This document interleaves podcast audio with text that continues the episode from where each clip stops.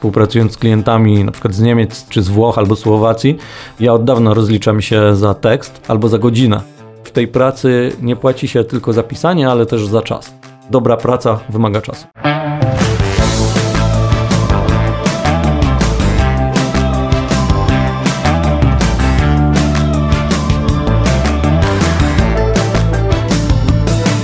O reklamie w internecie. Dla kogo? Za ile? I po co? Opowiada Piotr Polok. Pyta Natalia Siuta. Cześć, z tej strony Natalia Siuta i Piotrek Polok. Cześć. Piotrek, często w naszych podcastach rozmawiamy o tym, co ile kosztuje. Ile kosztuje na przykład stworzenie grafiki, prowadzenie bloga, pisanie treści itd., tak itd. Tak to skupmy się teraz na stawce copywritera, bo copywriter ma wiele różnych zadań. Co na tę jego stawkę się składa? To jest y, ciekawe pytanie i dobrze, że je zadajesz, bo nie wszyscy też rozumieją, że na stawkę copywritera wpływa nie tylko pisanie.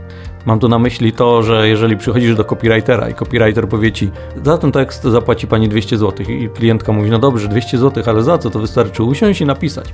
No nie do końca, bo w tej stawce, którą copywriter podaje, on ma już wkalkulowane, że musi zrobić research, czyli musi poszukać informacji na ten temat, musi zapoznać się z briefem, który wysyła do osoby, która zamawia teksty, ta osoba musi wypełnić ten brief, znowu copywriter musi zobaczyć, czy ma wszystkie niezbędne informacje, jeżeli nie ma, to dopytać i znowu albo napisać napisać maila, na który musi poświęcić czas, albo zadzwonić i znowu musi poświęcić czas, wytłumaczyć, czego potrzebuje, znowu poczekać na informacje od klienta, rozpocząć pisanie tekstu, stworzyć ten tekst, wysłać go do klienta.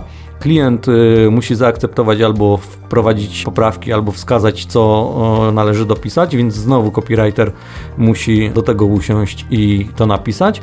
I przeważnie, przynajmniej ja tak działam, nie wiem jak inni copywriterzy, ale jeżeli tekst zostanie zaakceptowany, no to ponownie e, wykonujemy jeszcze redakcję, korektę, żeby go dopieścić, zrobić go na tak zwane drugie oko, czyli osoba z zespołu widzi to, co na przykład ja napisałem, albo ja widzę to, co ktoś z zespołu napisał i widzimy błędy, których nie widzimy jako autorzy, bo często jest tak, że jeżeli coś piszesz albo o czymś mówisz i setny raz to się już przewija, to jest dla ciebie taka rutyna, że nie widzisz tego błędu. Na przykład szyk zdania potrafiłby zmienić cały akapit i brzmiałby on zdecydowanie lepiej. Więc takie rzeczy też są pod koniec. Na to składa się cała stawka, na to składa się wszystko, e, za co copywriter, mówiąc kolokwialnie, bierze pieniądze. To nie jest tylko tak, że się siada i pisze. Poza tym pamiętaj też, że wszystko zależy od tematu. Jeżeli będzie jakiś trudny temat, albo na przykład brief, czyli dokumenty, albo wsad, różnie to, różnie to mówimy, od klienta jest na przykład w języku angielskim. Znowu musimy się z tym zapoznać, sprawdzić, a może po polsku będzie to brzmiało zupełnie inaczej, więc znowu musimy zrobić jakiś research, e, znowu się zapoznać z tematem, dopytać klienta i tak dalej, więc głównie w tej pracy nie płaci się tylko za pisanie, ale też za czas. Coraz rzadziej pojawiają się takie zlecenia, w których w ogóle klienci też e, chcą wyceniać coś za liczbę znaków bardziej w godzinowe przeliczenia to wszystko idzie i pójdzie w najbliższym czasie? Jak myślisz? To rozwiązanie ze znakami e, już na zachodzie dawno nie funkcjonuje, bo współpracując z klientami na przykład z Niemiec czy, czy z Włoch albo Słowacji, ja od dawna rozliczam się za tekst albo za godzinę i nawet y, zdarza się, że osobno za tekst i jeszcze godzinowo za research, osobno do tego tekstu. To znaczy, że jeżeli mówię klientowi, potrzebuję godzinę na research, mimo tych materiałów, które dostałem, i to będzie jedna stawka, a drugą stawką będzie to, że ja napiszę. I czy ja to podzielę na fakturze, czy wyślę od razu, to nie ma dla klienta znaczenia, ale on od razu wie, że ja muszę najpierw usiąść i poczytać i sprawdzić, a dopiero potem napisać. I tak już jest od dawna. Te znaki ze spacjami i te rozliczanie, wydaje mi się, że to głównie wychodzi od tego, że rozliczają się tak copywriterzy z agencjami. I to agencje trochę narzuciły te rozliczanie, bo, bo agencja biorąc na przykład projekt za 20 tysięcy, nie rozlicza się od znaków, tylko od projektu, czyli bierze 20 tysięcy, a później z tego projektu urywa kawałek dla copywritera, który powie, ja potrzebuję na przykład 20 zł za 1000 znaków, znowu strzelam abstrakcyjnie, no i wtedy agencja liczy, dobra, czyli możemy wydać 2000 na copywritera, czyli zostaje nam jeszcze 18 tysięcy netto na inne działania plus prowizję dla siebie, ok, robimy to. Gdyby rozliczać to pod kątem tego, że copywriter powie, ja potrzebuję 200 zł za tekst, no to wtedy już może im to się nie spinać z tego względu, że nie ma tylko znaków i jeżeli byłyby tylko znaki, no to zobacz, 20 zł netto za 1000 znaków i w tym masz research, obsługę, czyli rozmowę z agencją, napisanie tekstu, wysłanie i znowu redakcję, jeżeli będzie tekst już zaakceptowany. Czy ty masz coś w rodzaju takiego wewnętrznego cennika na zasadzie, jeżeli ktoś ma dobrze dobrane słowa kluczowe, no to okej, okay, ten koszt już odchodzi. Jeżeli ktoś ma na przykład bardzo ładnie wypełniony brief i dużo dodatkowych informacji, to już kolejny koszt odchodzi i indywidualnie to wyceniasz, czy może właśnie według pewnego takiego schematu już wypracowanego? Te koszty różnią się w zależności od tego nie jak klient ładnie wypełnił, tylko czy w ogóle wypełnił i jeżeli ma słowa kluczowe, to yy, niezależnie od tego, czy ma je zrobione dobrze, czy źle. Bo są klienci, którzy mówią, mam słowa kluczowe dobrane, proszę mi napisać tekst. Ja wtedy mówię, moim zdaniem te słowa są dobrane źle, mogę panu dobrać dobrze, ale musimy doliczyć godzinę. Więc jakby samo sprawdzenie tych słów nic nie kosztuje, bo ja widzę już na pierwszy rzut oka, że te słowa nie pasują albo że dałbym inne, no bo mam już trochę doświadczenia w zależności też od branży. Ale to robię, można powiedzieć, takim gratisie, to jest taki cukierek, że wtedy mówię, ok, widzę, że ma pan strukturę treści, natomiast jest ona źle przygotowana, czy mamy ją poprawić, doliczając pół godziny naszej pracy na przykład. No I wtedy klient mówi, ok, nie znam się na tym, dobrałem to, myślałem, że jest ok, więc proszę o poprawę. Nawet zdarzyła mi się taka sytuacja ostatnio, gdzie wyceniałem zlecenie właśnie projektowo, no i do całego projektu doliczyłem jeszcze dwie godziny na pracę nad słowami kluczowymi i nad strukturą treści, bo klientka wysłała mi tematy i wysłała mi, e, jakie kategorie należy opisać, bo tam też chodziło o stronę ofertową, no ale nie miała tych słów kluczowych, więc zaproponowałem, że możemy je dobrać, chyba że jest Pani w stanie zrobić to sama, może Pani użyć tego albo tego narzędzia i proszę do nas wrócić. Klienci są różni, informacje, które od nich dostajemy też są różne i też po prostu różne są zlecenia, ale kojarzysz na przykład w ostatnim czasie, ile najkrócej trwało dane zlecenie i ile trwało najdłużej? Z takich zleceń, które trwały najkrócej, no to takie, które nie doszły do skutku. To znaczy, e, rozmawiałem z klientem, klient był zdecydowany, powiedziałem, to proszę jeszcze wypełnić brief oraz wysłać materiały. I to jest taki dobry, dobry moment, kiedy widzisz, czy klient chce z Tobą współpracować, czy po prostu sobie rozmawiacie. Bo jeżeli wypełni ten brief, czyli jest trochę zaangażowany, jeżeli wyśle materiały, no to jeszcze bardziej jest zaangażowany, a jeszcze jeżeli z nim porozmawiasz i poukładasz z nim strukturę, to już jest w ogóle super i możecie zacząć pracować. Nawet zdarzają się klienci, też o tym wspominałem w innym odcinku, że najlepiej to usiedliby ze mną albo włączyli kamerę i zaczęli ze mną pisać. I to też jest super, to wtedy ja staram się nabrać takiego dystansu i powiedzieć, że okej, okay, to już jest za dużo, ale bardzo fajnie, że jest pan, pani zaangażowany w to, co robimy. Więc znowu skrajności. Z jednej strony możemy mieć osoby, które są mega zaangażowane i ja nie mówię tutaj już o braku czasu, bo ten czas zawsze możemy znaleźć i dopasować. Te 15-10 minut opowiedzieć o tym, co chcemy zrobić i dlaczego.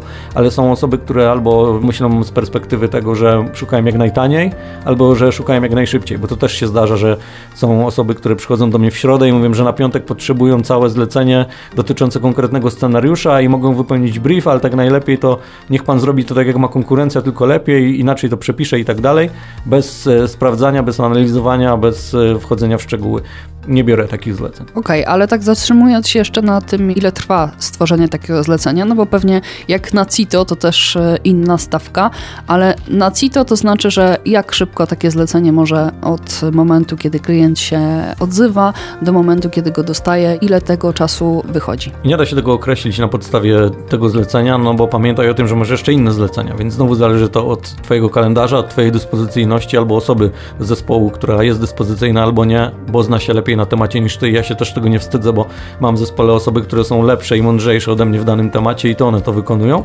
Więc to jest jedna rzecz. Druga to też kwestia, jak bardzo skomplikowane jest to zlecenie, bo jeżeli to jest redakcja korekta jednej strony A4 i przychodzi do mnie klient o 8 rano, no to jest duża szansa, że do 16 to dostanie, bo e, mam inne zlecenia, później przerwę, ewentualnie odcinek podcastu wrócę i to zredaguję, skoryguję i tu nie ma problemu. Natomiast jeżeli jest do napisania cała strona internetowa, że się tak wyrażę, czyli główna strona plus plus na przykład zakładki ofertowe, plus jeszcze tekst na bloga, plus jeszcze wymyślenie hasła na stronę główną jeszcze coś w kontakcie moglibyście dodać, a najlepiej to stwórzcie jeszcze post na media społecznościowe, gdzie wrzucimy, że mamy nową stronę. No to wtedy mówię, ok, 7 dni to na pewno. No i ktoś wtedy mówi, a to ja myślałem, że siądziecie, napiszecie.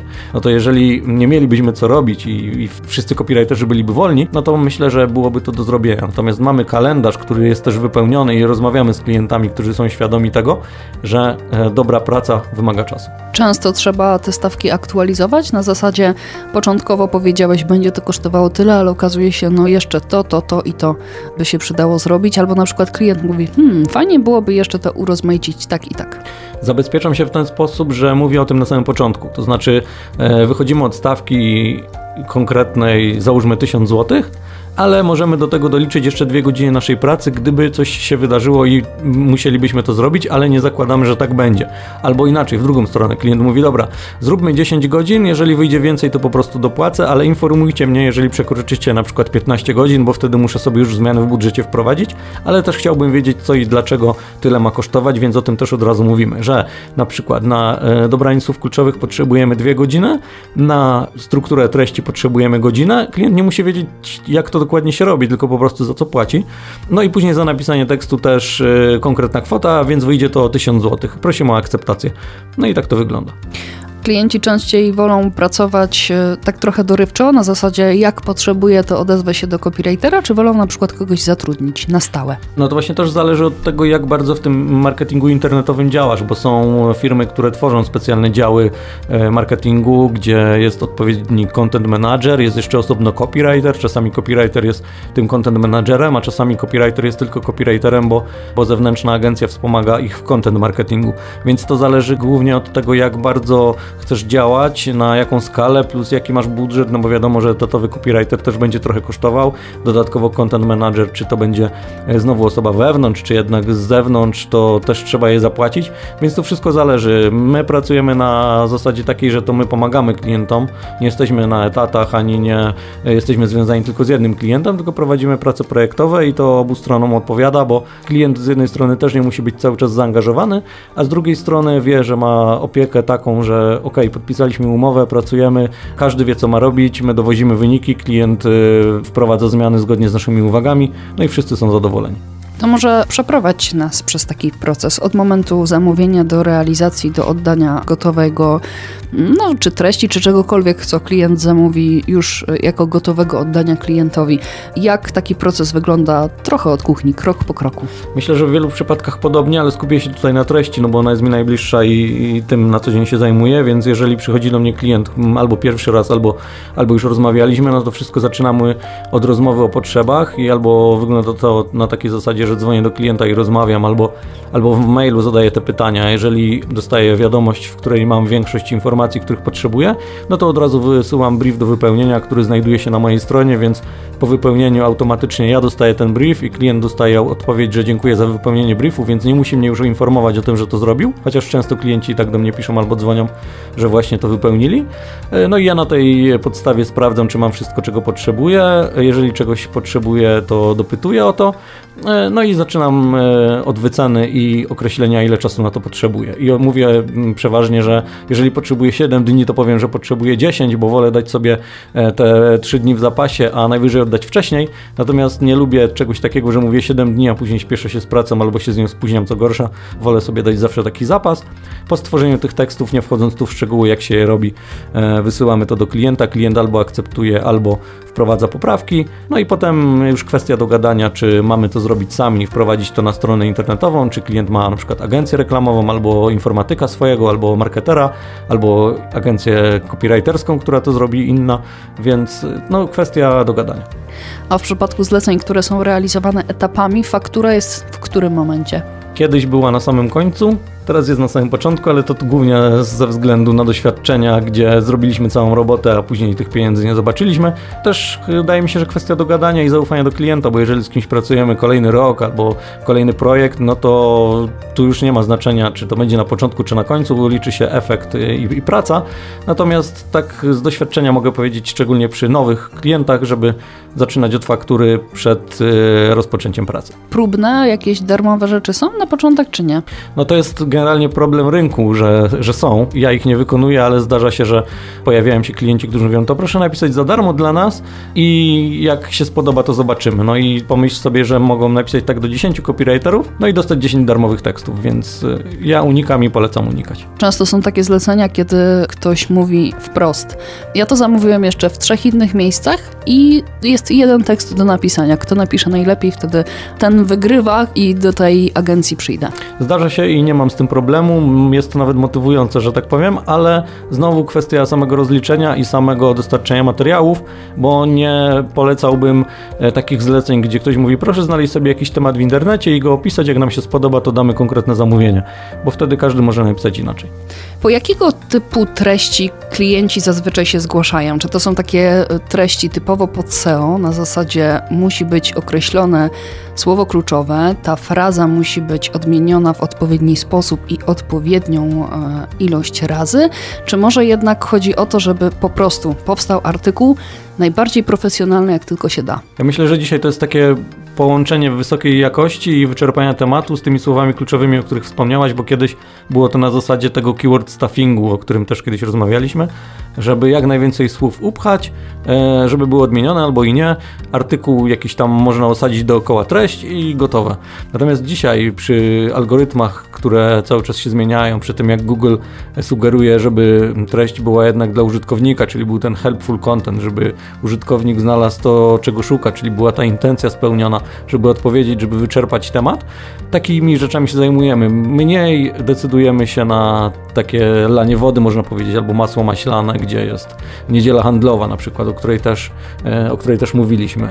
Więc e, głównie skupiamy się na takich treściach, które mogą pomóc użytkownikom i zarówno jeżeli klient dostarcza nam ten merytoryczny wkład i ten brief, no to też nad tym pracujemy, szlifujemy, żeby to było dobrze, ale też zdarza się, że na podstawie researchu albo własnej wiedzy tworzymy teksty i tutaj na przykład e, blog piotrpolok.pl jest takim miejscem, gdzie ja swoją wiedzę przelewam na papier albo na, na bloga właśnie.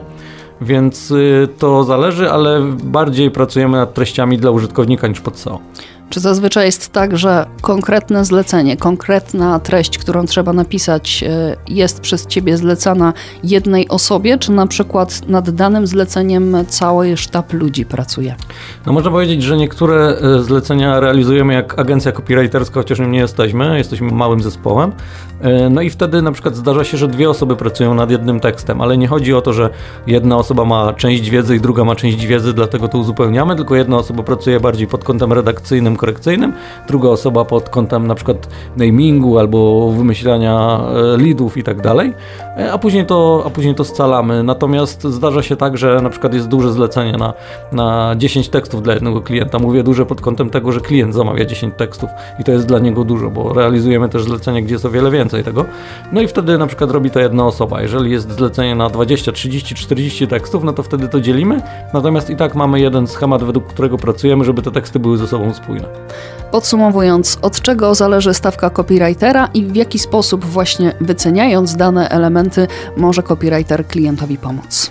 Tak naprawdę od zaangażowania copywritera w projekt. To znaczy, jeżeli copywriter będzie musiał tylko na przykład napisać jeden tekst albo skorygować, zredagować akapit, no to będzie też inna stawka. Jeżeli copywriter ma być zaangażowany od początku do końca, to znaczy od wyszukania słów kluczowych do pomocy w stworzeniu briefu, bo tak też się zdarza, w przeprowadzeniu jakiejś analizy, co Państwo potrzebujecie, a czego nie, a może to, a to dajmy, a to nie, to jest jedna rzecz, więc mamy ten keyword research, zaangażowanie w projekt, stworzenie treści, kwestia czy ta treść treść ma być w języku polskim, czy w angielskim, czy w polskim i w angielskim, co to będzie za treść, czy to będzie newsletter, czy to będzie oferta, czy to będzie tekst na bloga, czy to będzie scenariusz do podcastu. Wszystko zależy od tego, jaki będzie poziom trudności i jak bardzo będzie zaangażowany copywriter. Natomiast nie ma jednej stawki. Przyjmując sobie na przykład stawkę godzinową, możemy powiedzieć, że za napisanie tekstu weźmiemy załóżmy 150 zł, bo pracujemy na stawce 150 zł, ale może się okazać, że tekst będzie na tyle trudny, że musimy poświęcić na niego więcej czasu. Więc e, nie sugerowałbym się tutaj tylko ceną, ale sugerowałbym się przede wszystkim tym, jak bardzo copywriter może nam pomóc. O reklamie w internecie. Dla kogo? Za ile? I po co?